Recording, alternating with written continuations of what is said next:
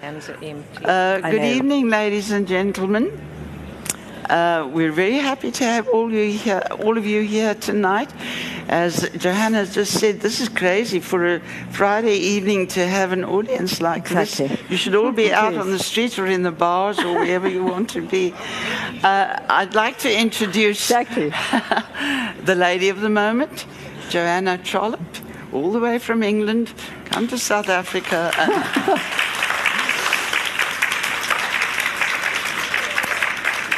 No, I, I have to say at this point that I went because I'm very keen on literacy as a as a project, and I went to visit um, a literacy NGO in Cape Town yesterday called Life Matters, and one of I, I was amazed that the children have such a narrow frame of reference.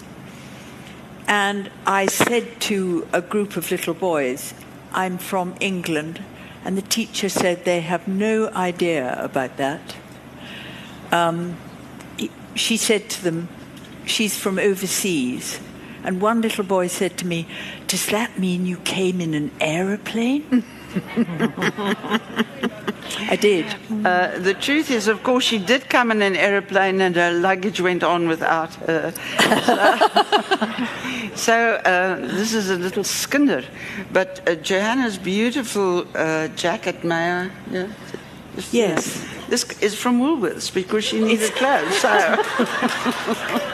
I, I bought it from Marks and Spencer in the UK online. Oh, Woolworths, sorry. Uh, and uh, Marlene Breytenbach is a well known Afrikaans uh, romance novelist, as you all know, and has very, very many titles. Uh, to her name. She is one of the most prolific writers, and she's terribly busy. And uh, she, you might know from Facebook and stories around town that she she goes to her computer every morning, sits down, whacks out a story, then talks to her cat. and uh, so the cat knows more about what goes on in Marlene's life. And I'm Martie Meiring. I'm not a writer, I'm a journalist. s- the same cat, always. Has it, has it always been the same cat? Alexander the Great. It yes. is, yes. Yes, obviously a significant cat. Joanna, um, I heard the other day that you had actually started your career as a writer after your third child was born. No, I, I, can I just say at this point, I've just, you know, this festival, as you know, is, is all in Afrikaans, which I don't speak. So I've only just got um, a description of myself um, for this festival, and I cannot describe to you how inaccurate it is. It says I'm the doyen of romance novels. I don't think I write romance novels. Well, that's, I mean, that's not your fault. It's, I think um, a best-selling author of international. She's had several husbands. The last one much younger than her seventy-plus years. I haven't been married to course I anybody for over seven twenty years. husbands. It's extraordinary, but certainly I'm not that. She abhors writers who are constantly on Twitter. I don't abhor them at all. I, d- I d- I don't do social media, but per- everybody else is perfectly free to. Um, it, it, she has the accent pearls and two piece appearance of an upper class lady. Excuse me. I'm Where did, wearing where, the did they, where, did they, where did they get that from? Oh, I don't know. It's extraordinary. She is besotted with writing, particularly about women in general and women in our time. She talks about the lack of novels in which women refuse to be superwomen and openly choose careers over families and children. None of that's true. No, of course that is true that you do choose women, women who choose careers, But I have not I do. friends right Yeah. The truth I is here, of course. Yeah, uh, I, don't I don't know who where wrote all that I came from. You didn't- not- you didn't- not, you and- promised. and not anybody I know who actually No. wrote that. But of course, uh, Well, perhaps it's it's Elmari and Suzanne and Co. I mean, I I don't know, but Oh, well, anyway, I, I will tell you that in this wrong. country we do have very strange communications on s- social media, and uh, we're actually known for that. So Right. it could be, for all we know, a politician. it could be, could be. Seven husbands, an English lady. They are. That No, I've had two, but I haven't had any husband at all for over 20 years. Really? No, Oh, no, is that okay? absolutely. And certainly the idea of a, a husband um, 20 years younger than me is extraordinary. Why? I mean, Never, never done such a thing. no, but but Where did uh, they, don't- where did don't- they find that? I No, don't I'm know. so disappointed. But uh, uh, don't you agree that women could actually marry m- men Yes. 20 years younger? Of course 30 they years? could. Of course Uh, who's that great actress who has a man who's 45 years younger than she is? She's an Yes. English actress. Yes, is- exactly. Yeah. Um, but I think also younger men have been brought up by all of us to be much more accepting of women being women in their own right. Yes, Yeah, no, that's true. But the men of my generation, in England anyway, are far more set in their ways. Really? And they're, they're terrified of, well, they feel threatened, I think, by successful women. we don't have that here, you, You know. don't. You lie, Martie, you lie. there you go. Uh, I'm actually going to ask uh, Marlene, who is a good researcher, to tell the truth about you. Oh, right. Oh, you know, You can do have your best. Googled you so much. I've actually watched you speak and with beautiful English. I think I know you very well by now. But you might not know the real me. You might just know the social media me, which is obviously yes. um, full of fantasy. Oh, tonight's well, the night. tonight we will interrogate you and find out. Now, I must tell everybody. Well, you are the doyenne of romance novels, aren't you? No, not You- you- not romance novels. No, I write con- I write novels about Contemporary. contemporary relationships, mm, mm. current relationships. Yeah. Socio-political novels. Mm. And um, your s- social commentary and insight into the human psyche make your books very sought after. Um, you really are very successful. You have written so many books, they've been translated, and uh, four of them have been adapted to TV They have. by Yeah. the BBC. yeah. Um, and I must mention here, in 2010, she won the Romantic Novelists Association's Lifetime Achievement Award. She has written historical and contemporary novels and nonfiction. Her books have been translated into 25 languages, and But they not usually Afrikaans. Yeah, the only language that should have them. Well, you watch it, we might translate it now. And uh, you top the bestseller lists as soon as your book is published, and then four of your books were adapted into TV series. Or has there been more? That that's. But what um, about the seven million copies? the seven million copies. Seven million, I read that somewhere. Hmm. Seven million copies of your books have been sold across. Have they? Well, I read it. But you know what's amazing about that is that you are quintessentially English, British English. And these books are translated into all kinds of languages, and the people like them very much. But But don't you don't you think a broken heart is a broken heart, whether it's happening in Tokyo or here or, you know, it does it matter? Yeah.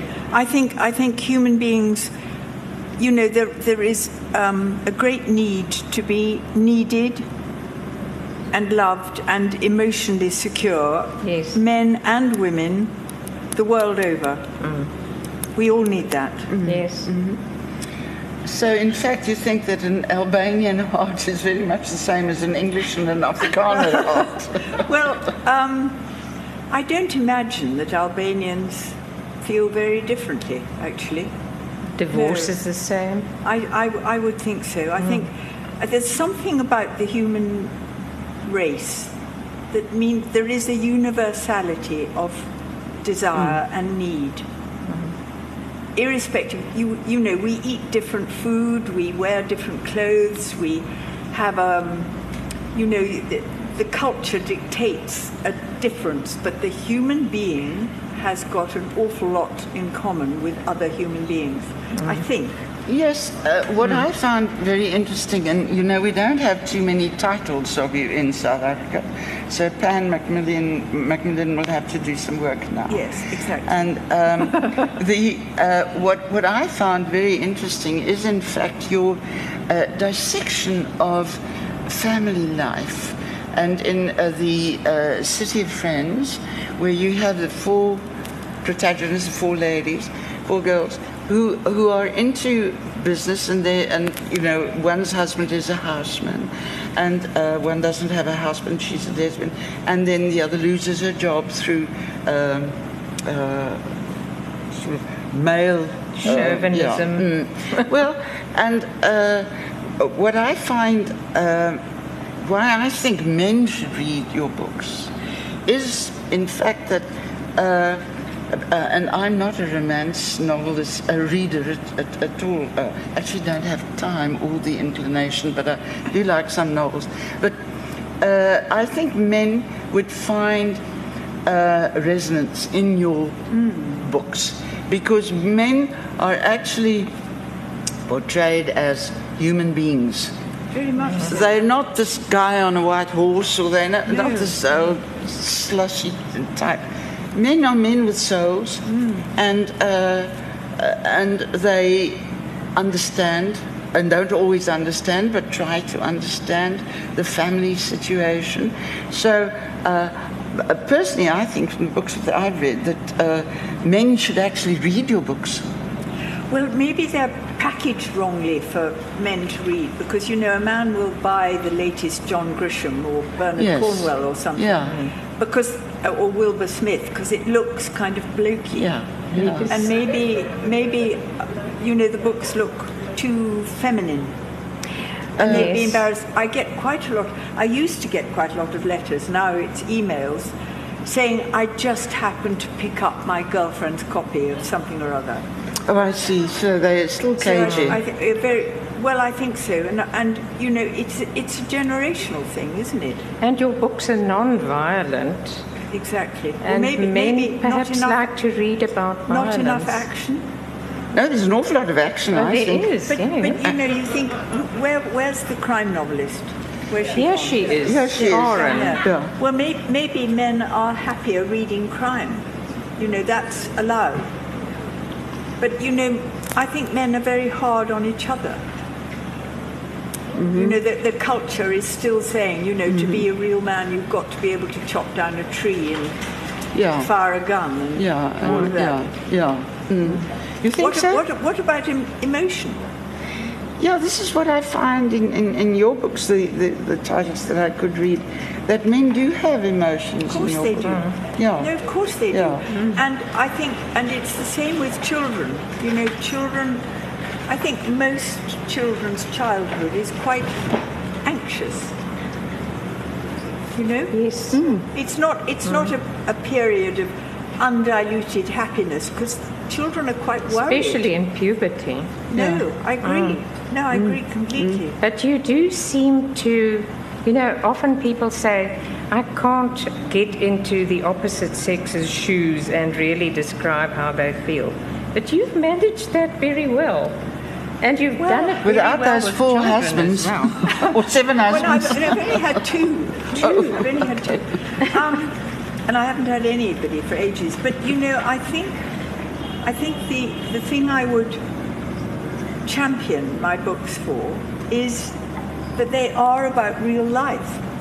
You know, they are about reality. Mm, yes. They are about what it's like to be alive now in a civilized society trying to live life with all these changes going on. The fact is, I mean, you were talking very kindly about City of Friends.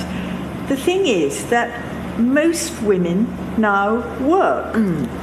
It might be quite rare for women of my generation. The next generation, they mostly work. The generation of, say, my grandchild, uh, my granddaughter, who's, um, let me think, she's 20. Are, are we, sorry, uh, Um, I think Can it, you it hear? fell off. Um, I think my, for my granddaughter, she wouldn't think of not working. And I think most young women are the same. You know, that, and this idea of there are no novels I can see about women and work. yeah. yeah. It's really extraordinarily that. old fashioned, isn't it? But your stories are about women juggling their lives. Well, that's a it. profession, a husband, children, difficult Exactly. teenagers, and so on. And she has And to manage all that. Yes. And highly paid jobs, like Mm. Yeah, in exactly. this book of yours. Mm, exactly. Mm. So, um, can you can you do something? Well, it's it's um, that's better.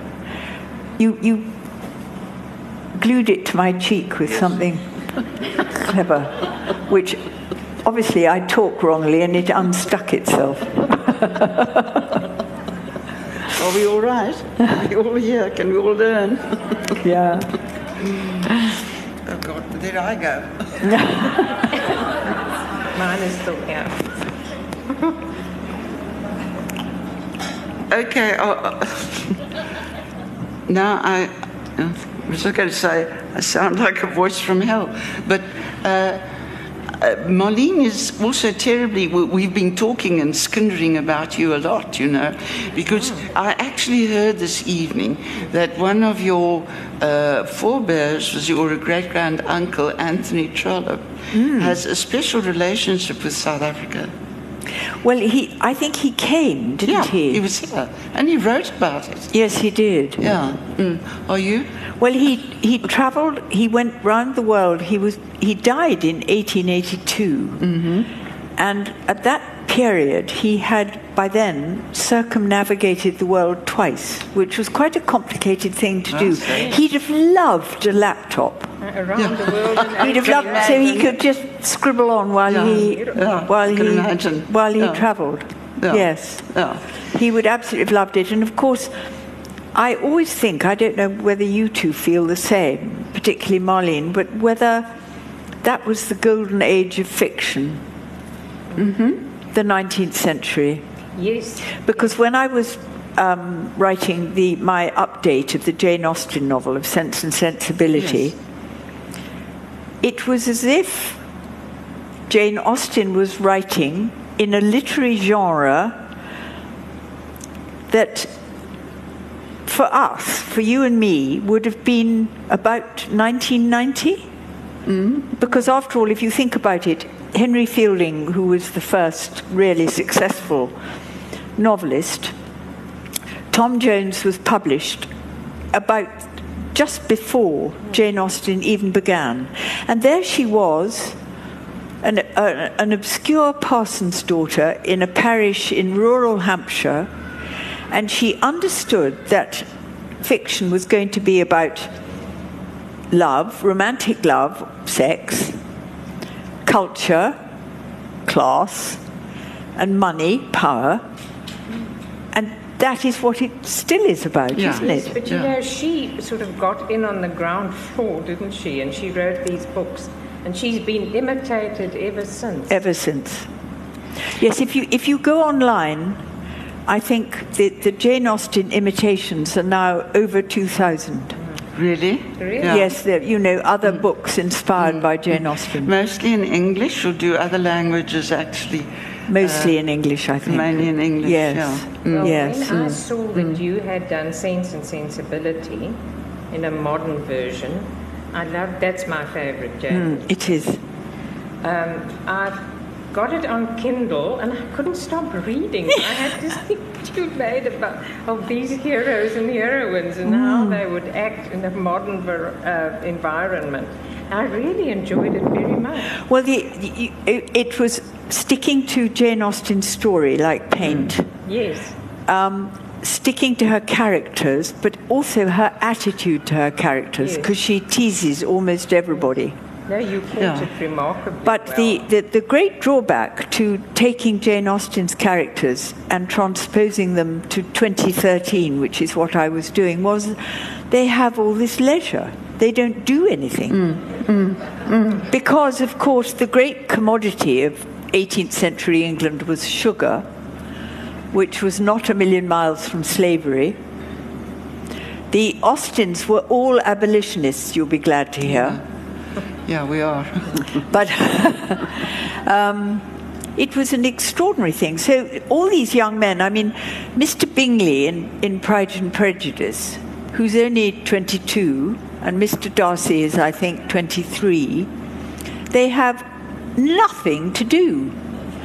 And you, you know Mr. Bingley just wants to organize parties between um, whatever it's called, the house he rents um, near the, the Bennets, and London. Yeah. He's got nothing else to do at all. Yeah, because he's got all this money. party, yeah. Exactly. And I think Pemberley, Mr. Darcy's house, was probably built on the proceeds of the mines of Derbyshire. And what, what was the life of an 18th century miner like in England? Yeah, absolutely. Absolutely That is unspeakable. Mansfield Park, where the father was actually a Yes. slave owner. He, he and, is. And, and he was wealthy. yes. Yes, and he disappears at one point, doesn't he? Yeah. Yeah, that's true that there is, but you know, we, uh, I mean, there is, a, uh, you're always reminded to go back to Jane Austen. Always. And yes, always in, in, in literature. And two, the sad thing is that, well, of course, she didn't long, uh, live long enough, but the, the women were always, um, they were entranced by these strange characters, these mysterious characters. And um, That they had to have 5,000 a year at least. But you, you, you had to marry because it was the only career for a gently born woman, wasn't right, it? yeah, And it- yeah, yeah. And you, you know, I, ma- I should think there's as many different careers as there are people here tonight. yeah, when I look around at them, a lot of them aren't married. Well, I, quite they don't need to be married. No, they don't. No, And- exactly. And they aren't. No. But they have to be earning to live. They're all working. but that, the- yes, but that kind of independence, yes. you know, was denied to my, say, for, to my mother's generation. I mean, she mm. died five years ago mm. when she was, she was 96. And she was dying to work. And of course she couldn't And yes, yeah. because society didn't permit her to. Well, now, And now all these young women can work and should. And should, and you know, strangely enough, in this country too, now with the political situ- uh, situation as it is, and it's fair enough too, is that the uh, women find jobs easier than men do. It's a strange sort of uh, a strange sort of Do situation. you, do you think that's because women work in a different way from men? In, in a sense, I think women are a bit cheaper to, you know, Yes. to, to, to, to keep there. And also, um, there is, in South Africa, there is a kind of male situation right at the moment. You know, we have the uh, labor situation and uh, also the race situation, and politics is right at the top now. So, uh, in uh, women in South Africa uh, have, in the previous years, the apartheid years, there was a greater contact between black women and white women. Yeah. Black women were often the servants, but through them, white women actually got to know about the lives of black families. And that's a tremendous thing. Mm. It and, is. uh, Yes, and I think too in you know modern literature, actually, that is something that resonates now. Mm. You know, women they're more uh, in contact Yes. with what is happening. But here. don't you don't you think this still applies to women? Don't you think the way women work means they make relationships with everybody? So you, if you work, you you get to know your whole workforce. Sorry, this thing has fallen off. Yeah. Uh, Michael. Michael is our archangel. um, but the, the writing process uh, I know of my friends who are writers, you know, they're very dedicated people. And uh, how many titles have you, do you have, you, do you have, or have Goodness, you? I, I, I know that of the contemporary novels, I think um, An Unsuitable Match is the 21st. Oh. And then there's a great body of historical fiction. Mm-hmm. And one about the Boer War. But that will be under my other name, which Caroline is Ca- Caroline Harvey. Harvey, which is my Trollope grandparents' first names put together. So it, it kept it in the family. Why did you have a pseudonym? Well, it was the publisher's idea because they thought, my then publisher, not, not you. Macmillan, but my um, then publisher thought that it was very confusing for the audience to have the Joanna Trollope novels and then the historical novels that, that you know, you, Mm. that the audience couldn't, the readership couldn't work it out. Well, of course, the readership could work anything out Yeah. And but there we are. Um, so all the Caroline Harveys are historical, and all the Joanna Trollopes are mo- contemporary. And I've written one non-fiction book. British woman? That was yes, non-fiction. it's called Daughters of. What is it called? Uh, I Daughters can't of now remember. Britannia. Britannia's Daughters. Thank you so much. Daughters, Thank yeah. you so See, I googled you. Do you know, it, it happens all the time. I can't, when I get, come to a novel I've written some time ago, I have to ask endless audiences what the names of the characters are because I can't remember. Oh, I was going to ask I'm you really about embarrassed. that. I'm really embarrassed about Yes, it. Marlene's terribly uh, uh, quickly about your your process. What do you do when you get up and have coffee and that? one? Uh, That's not what you're going to ask in any case. Now, you know, this, this idea of being a plotter. Yes, Uh, I, I know. I do. I do. plot I do your plot them. story Well, I start. I start with a theme. I then. Um, I will then do the research around the theme. So it could be late life marriage, it could be adoption, it could be step families, you know, all, uh, all kinds of topics uh, could come up. Um, the next one is about the, the generation, uh, uh, you know, the sort of 40s generation when their parents are beginning to fall to pieces one end of their lives, their children are very demanding the other end of their lives, and they, the women, are working full time. So that, that's, it, so it, it, that's the starter of the book. Then I do the research. I always go and talk to people who are in this situation. Um, to make sure really that I've got it right, that it, it really rings true, um, then I then I'll find the names of the characters, and that's usually by just looking in the press until a name leaps out at me as being right for that particular person. And then I decide where to set the book. Um, and then I start writing it. So it's, it's quite a long process. So I will plot maybe the first quarter of the book because I don't know these people terribly well. I don't know where it's going. And I plot the end so the book can develop organically as I go along because I know where I've got to end up. So it, it's in a way, it allows the book to develop as organically as real life does, but it's disciplined by the fact that I've got to end up in a particular place. And I really have. And when it comes to writing crime novels, I remember talking to Freddie Forsyth just after The Day of the Jackal had been published and such a global success. And Freddie Forsyth said to me he wrote it backwards to make sure that nothing, no end was left untied at the end. And I don't know if this is how crime writing works. But I know it's, it's a very different process. Because you, you know, you, you have to make sure that you end up quite neatly at the end.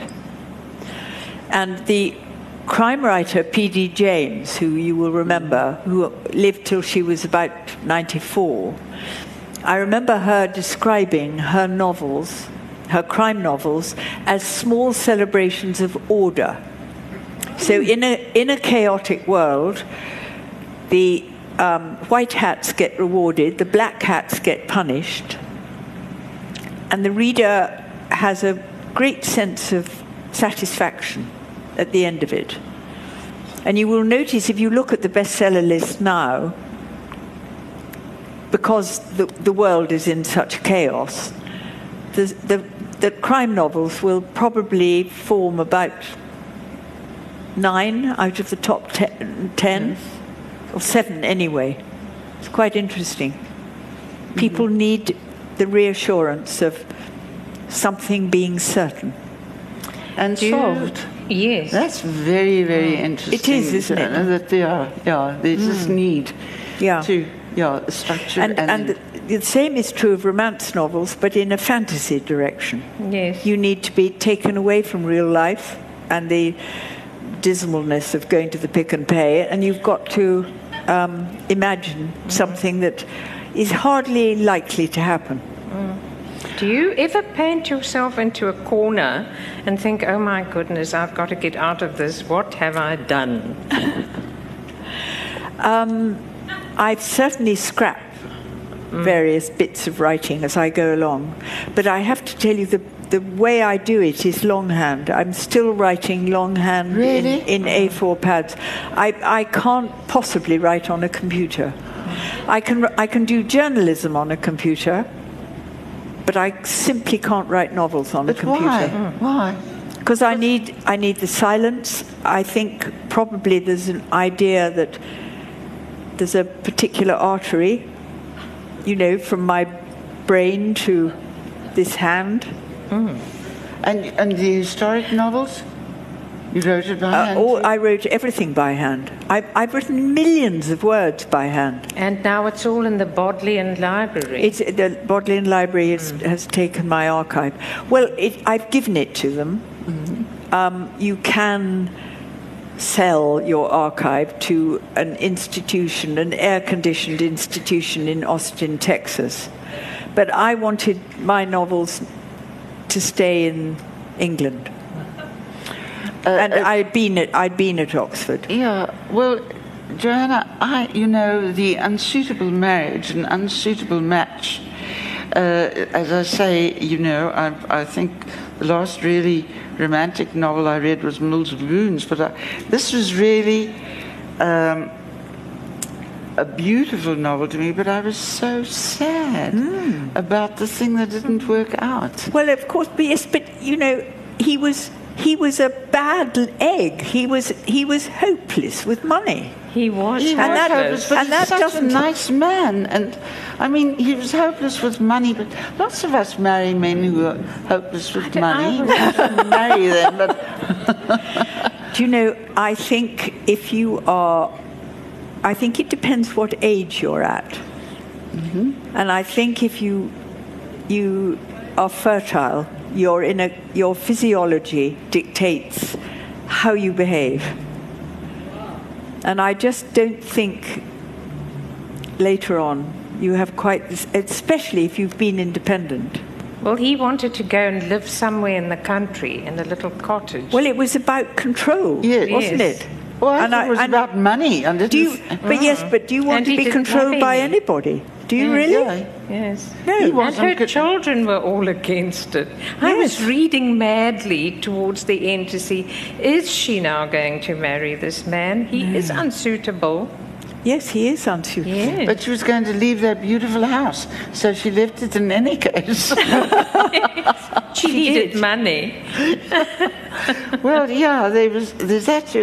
Uh, somebody in the audience wanted to ask you about your, uh, whether you have a psychological background. I don't mean something wrong with you. No, no, no. You know, there is a lot wrong with me. Studied psychology. A lot wrong with me. um, no, I don't have any psychological experience, but it sort of seems yeah. to be there in the fiction. Well, you're a good Yeah. observer of people, of children, of men and women. It's really amazing, you know, and your dialogue is very good. But of course, Well- you say you go on public transport and listen to people talking. I think I think that's that's really the answer. Really, Don't people It's- it's recognise you?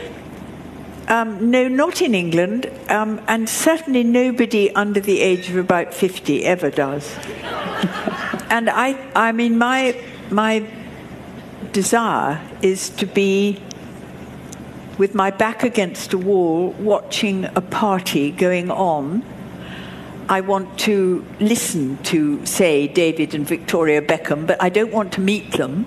I just want to see what they're like in company and make make a note of it mentally. It's very I just I just am a listener.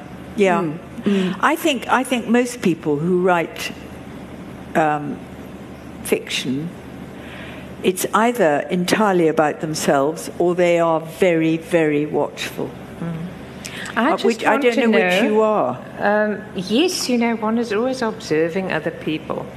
And when they expect you to talk, you don't. you just listen, you absorb. Exactly.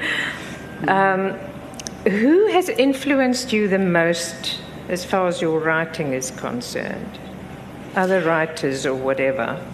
Well, I, I think there's, there's quite a lot of, um, of women writers who've been um, very influential, but I think really the influence has been 19th century fiction. Really? It was Yeah, so back. because they were constrained. If you think how much um, the culture of the time influenced their attitudes, but they were all really very watchful. Who were the other writers? Georgette Heyer was later, wasn't she? Um, yes, she was. I, I, I haven't. I don't really admire her. I think. I think she's. Um, I think she's remarkable. And um, the novel she wrote about Waterloo, the Battle of Waterloo, which I think is called a near-run thing, it is taught at Sandhurst Military College because nobody has described the formation of the the battlefield and Actually, who came to whose rescue as well as she, she's research. done. Amazing. But I think that's not a, that's um, it's rather like a novelist describing what it was like in the 12th century. Um, you know, the Mm. building of a cathedral or something. You, wh- what about the 12th century mentality? You know, you, yes, Yeah. exactly. You, Yeah. You've got to, you've got to be truthful to your own times, which is why um, the 20th century or the 21st century really suits me. You know that that- that post-Freudian is very different from pre-Freudian, Yeah. don't yeah. you think? yes, indeed. Well, yes, of course. I mean, Sort all those all those trips changer. around the inside of your own head uh, are mm. post-Freud. Mm, but before that, it was codes of conduct, really. Yeah, that is a big thing, code of conduct. It is. And now with this uh, freedom that we have, this boundless freedom. But that- people that had a have. sense of honor, which they seem to have lost. Well, I think moral relativism has had mm. its day. I think mm. people are beginning to say, is this the right way to behave? Mm-hmm. And you can see now um, there's beginning to be a return to that sense of community, that sense of responsibility. Because mm-hmm. we've had a free for all, haven't we? Whereas you, you just pleased yourself and you behaved in the way that suited you. Oh. And it doesn't work, does it? Does it? No. Joanna, the uh, present situation, the whole Brexit situation. Oh, isn't it awful? Yeah, I know, I- uh, it is awful. But how does this affect you as a writer and a thinker about the situation? Do you see a, a, a break, a, chasm in the in, in No. British life? Or No. not? I think most people who voted to leave thought it could be done in two or three days. Yes. Yeah. And of course it can't. Mm-hmm. Are you going to write about it in your No, I'm, I'm, I'm going to glancingly refer to it because it's too enormous not to, but actually it is beyond tedious. the, the machinations I of know it. it is. It really is, and so I, and we're all exhausted by it. And I've, I've had it's been so lovely being here for a week Really? because I've had a holiday from all that rubbish. Oh yes, and but you're not into our political rubbish, so that's Well, rather nice to- no, I'm rather conscious of the complications here. Yes, yes. No, I'm, you know, because you're, you're um, so sensitive to a situation and an environment, I thought that um, the. I know it's terribly boring for us too, this whole Brexit. We don't really understand it. And No, you're we quite right not to understand it. Well, you know, we do feel sorry for Theresa May because I can no, see well, she's don't, becoming don't, thinner. no, she's she's a classic only child of elderly parents, and she's There's your she's, story. she's nothing like as clever as we thought she was going to be, and she's obstinate She and was stubborn. Well, I, I think she's a disaster, really. She, she hopes, she thinks she's now going to get us up to the wire, where we're going to have we've got a catastrophe. So we'll agree to her ridiculous deal. No, we won't.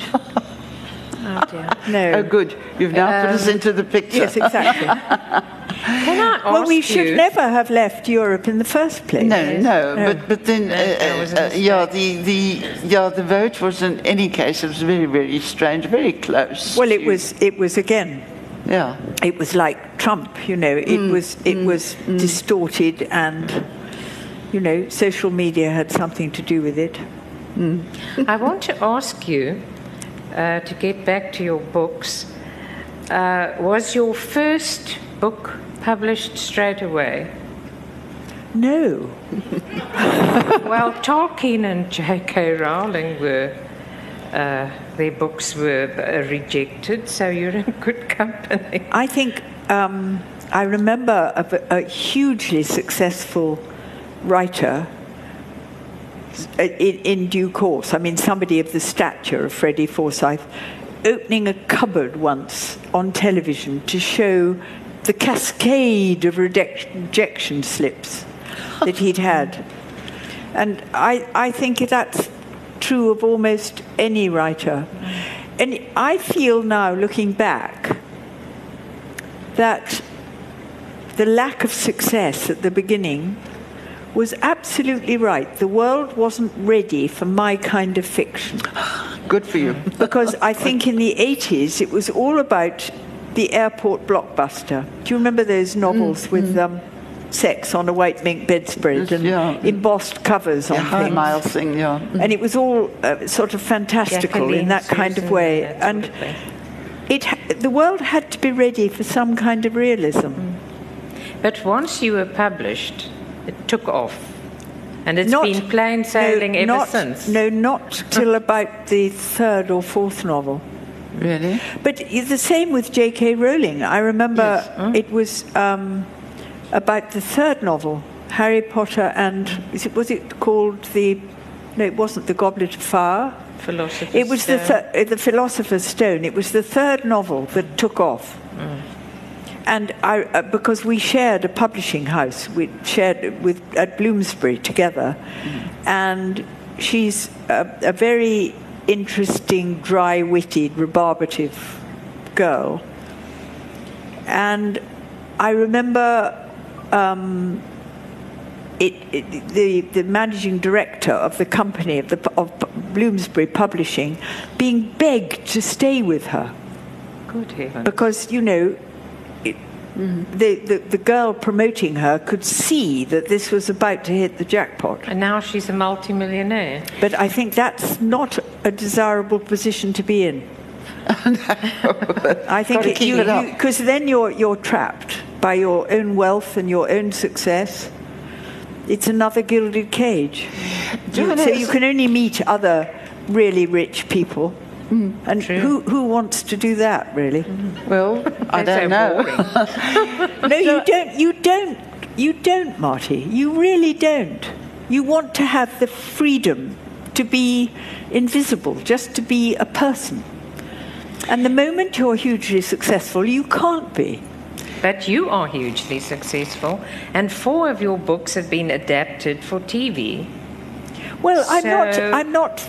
I'm not successful as far. I may, might be successful for your generation, but I'm not. Nobody's heard of me under forty. But how did it feel when the first one was adapted? You must have been thrilled. Yay! Well, no, no, because in those days I had no clout. I couldn't say to them, "I don't think it, it should be this way." I uh-huh. mean, it was it was the last one, which was I think was adapted with other people's children, where I could say, "No, we're we're going to be realistic here. We're going to have a scruffy house. We're going to have horrible people who are just like real life." You know, I'm always saying to people, you you must be able to identify people who exasperate you in life as well as people you identify with. And I, uh, I was then well enough known, I'd got enough power to say to the television company, Did you Um, approve I- of I the just- actors? Did you think yes, they were I right chose, in the I roles? could choose them. Oh, that's You good. know, the, I, by then the um, producer, the director, was saying to me, "Does X seem to me to be right for this character?" But I, I couldn't do it earlier. No, the initial. I mean, I think the choir was the first, Yes, and it was ludicrously sentimental. I did watch it. I mean, full of full of sunsets and you know, a, James an, an orchestra. Well, James Fox came to dinner to get the um, the character right, and you know, the moment the ca- television camera was on him, he'd got a poker up his bottom, and he was hopeless. And he turned back into James Fox. yes, exactly, exactly. so.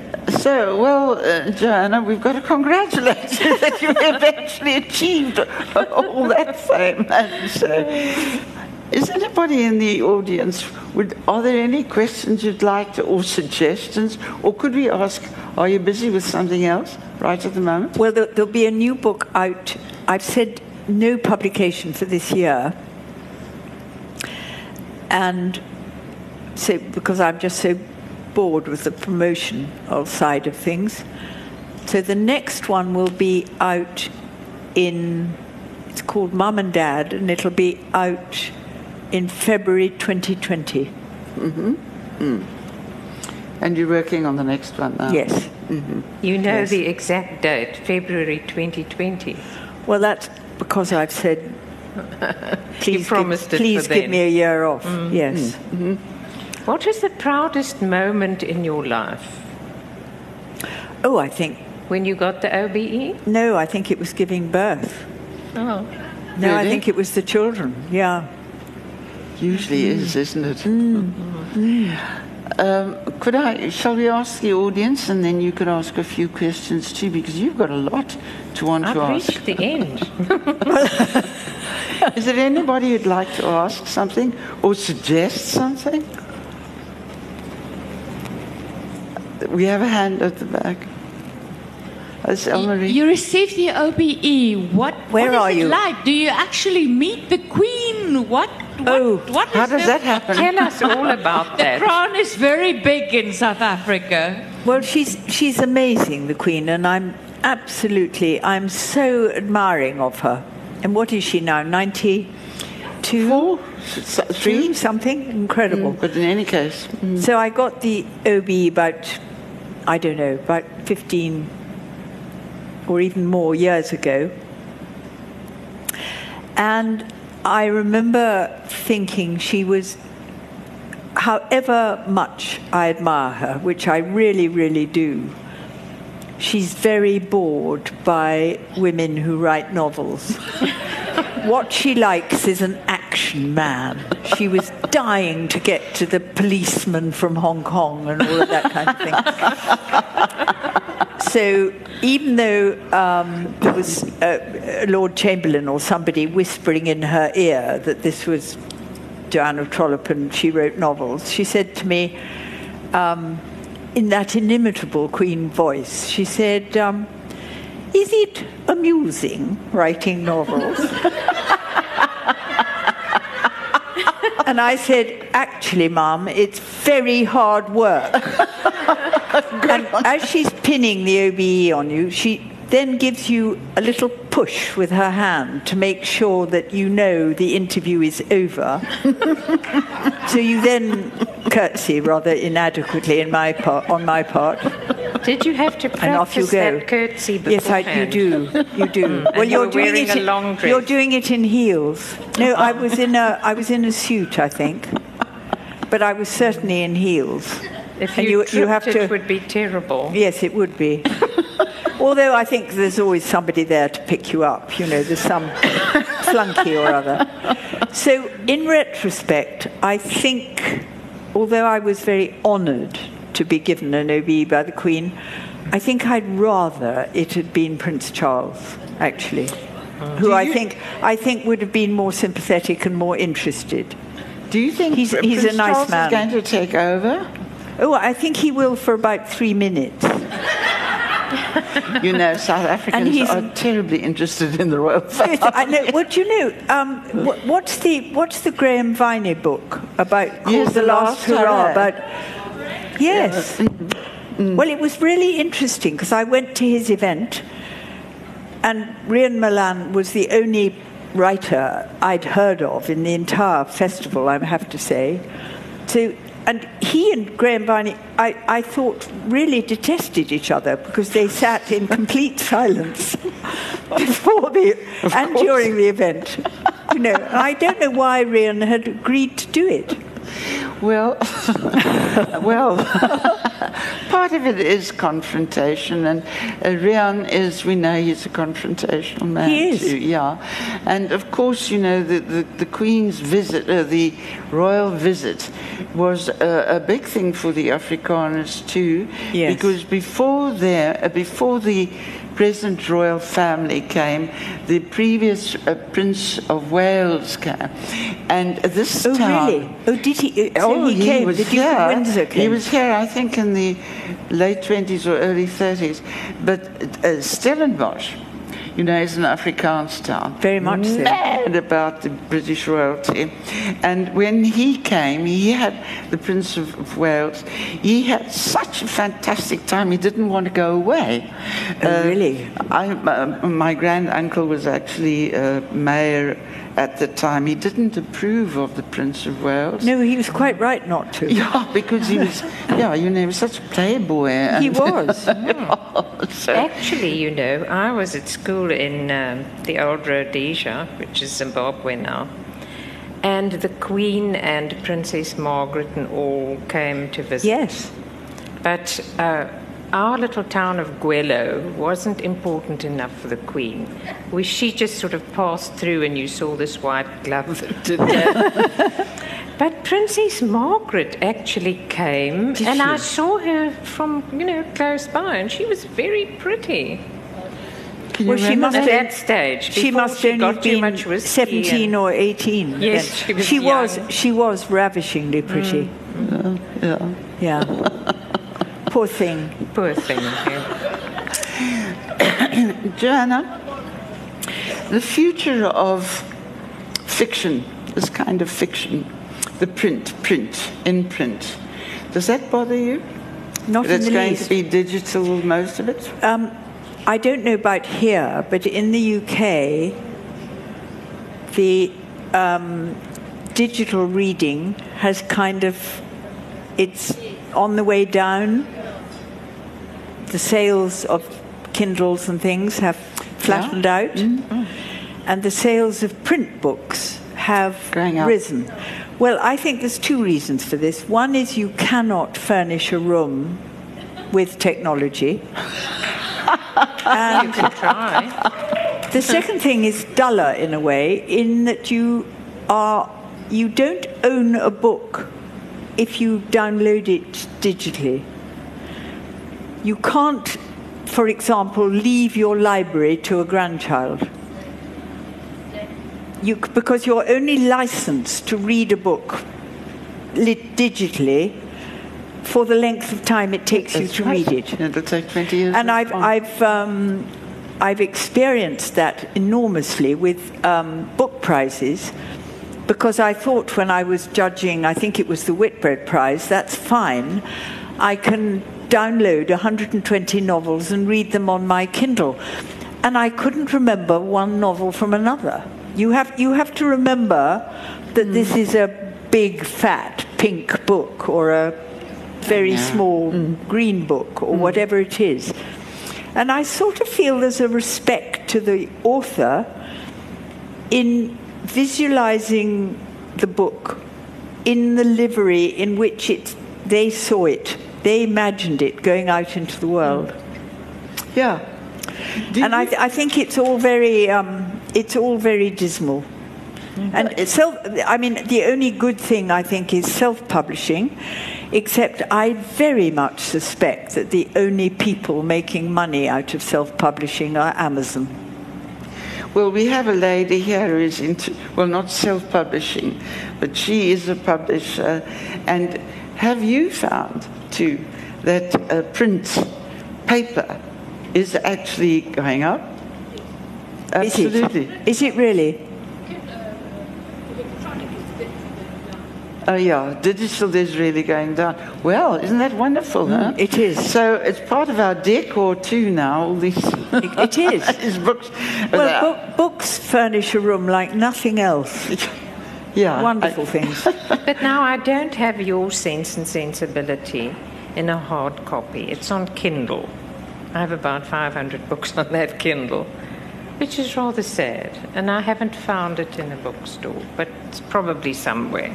Let's just go. I think it, it's, it's probably just a question of looking for it on AbeBooks or something. Yes. No. Mm. Mm, I'm afraid okay. so. Are there any other questions? There is a lady, yes? Hello? There you are. Oh. Very. 10,000 words a day or eight hours a day? Um, when I, when I have a book on the go, I know that I've got to write X thousand words a week. So I look at the diary. I have a paper diary. I have an old fashioned paper diary. And I strike out whole days because who knows how long it's going to, when, when is the bluebird of inspiration going to strike me at that particular day? It's often rather dismally before lunch. it's almost never late at night anymore. I'm too old for that. But it could be in that rather dead bit of the day between five and seven. And I, I just know that I've got to have a completely empty day to work. Do you want to write a certain number of words on a day? I know I've said this before, but um, I think inspiration is often engendered by spreading the bills out on the kitchen table. Absolutely. I think you've got to regard writing as a profession, not a kind of, oh, it's all about me. I think it's got to be, A, all about somebody else and something else, but it's got to be taken seriously professionally. Don't you think? Absolutely. There's a lady down there. Thank you. I've got a sort of a people's question as opposed to a book question. Yeah. Um, Where are you? I'm here. Yes, I see yes, Sudan. um, the question is why do you think um, younger men are attracted to older women and the other way around, possibly? That's an odd question just for fun. I think um, younger men have been brought up by all of us.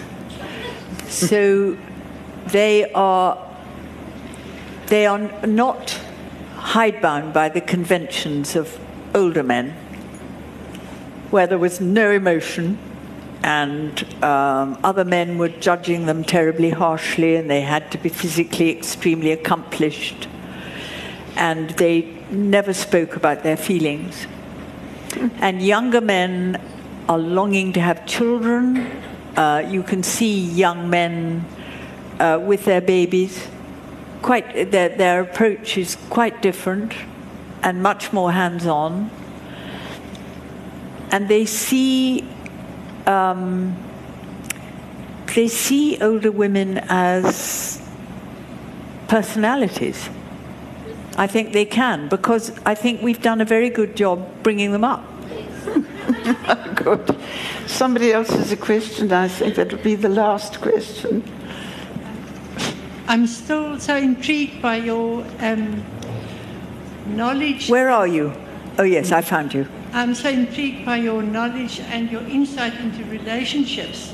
And you made the comment about um, um, the, your prime minister about being the only child. I was wondering what was your childhood like, and because you have such a you know empathy and yeah, relationships seems to be more your thing than being It a is. writer. So It I is. often in the beginning thought you were actually a therapist. To be quite honest. Well, I was born in the Second World War. Um, my father, having begat me, had disappeared to India with his regiment, and he didn't uh, reappear till I was nearly four, like a lot of a lot of people of my age in England. And so I was born at the very end of 1943, which gives you all a very good idea of how old I am. And then um, my brother and sister, because I was the oldest, my brother and sister were born after the war when my father came back. And um, I, I think family life was an uneasy thing. I think my mother longed to work, longed to be um, part of this generation where society said she couldn't be. She was extremely beautiful and a very good painter, very good artist generally, drew like an angel and I think was frustrated and disappointed all her life because society said she couldn't do what she longed to do. And it's, uh, uh, my poor old dad had dementia for about 15 years. I can't actually remember him making much sense. Um, it was a, a, and my mother was in complete denial about this being the case. So it's been it's been complicated, but I wouldn't actually change it for anyone else's life. You know, it's got huge disadvantages. There are great lacks. There are inadequate relationships in it, but it doesn't really matter. I don't mind about it terribly. And I have a I have nine grandchildren the youngest is 10 and the oldest is 20. And I have a really, really good relationship with them, and I find them absolutely fascinating, and they are quite different as a generation. They are much more liberated about people, much less hidebound by convention and what society expects of them. And all of that is really very good indeed. I hope that's enough. That's lovely. That's lovely. Thank you very much. I'm afraid time's up. Joanna, thank you very, very much. Well, very thank you much. both so much. That was And just Aline, gorgeous. thank you. That yeah, was this wonderful. is a lekker chat. Huh? Oh, we were thrilled to have you. Well, it was so sweet of you both. Thank you Well, very, very we- much indeed. so and thank you you. all hugely for coming. Good.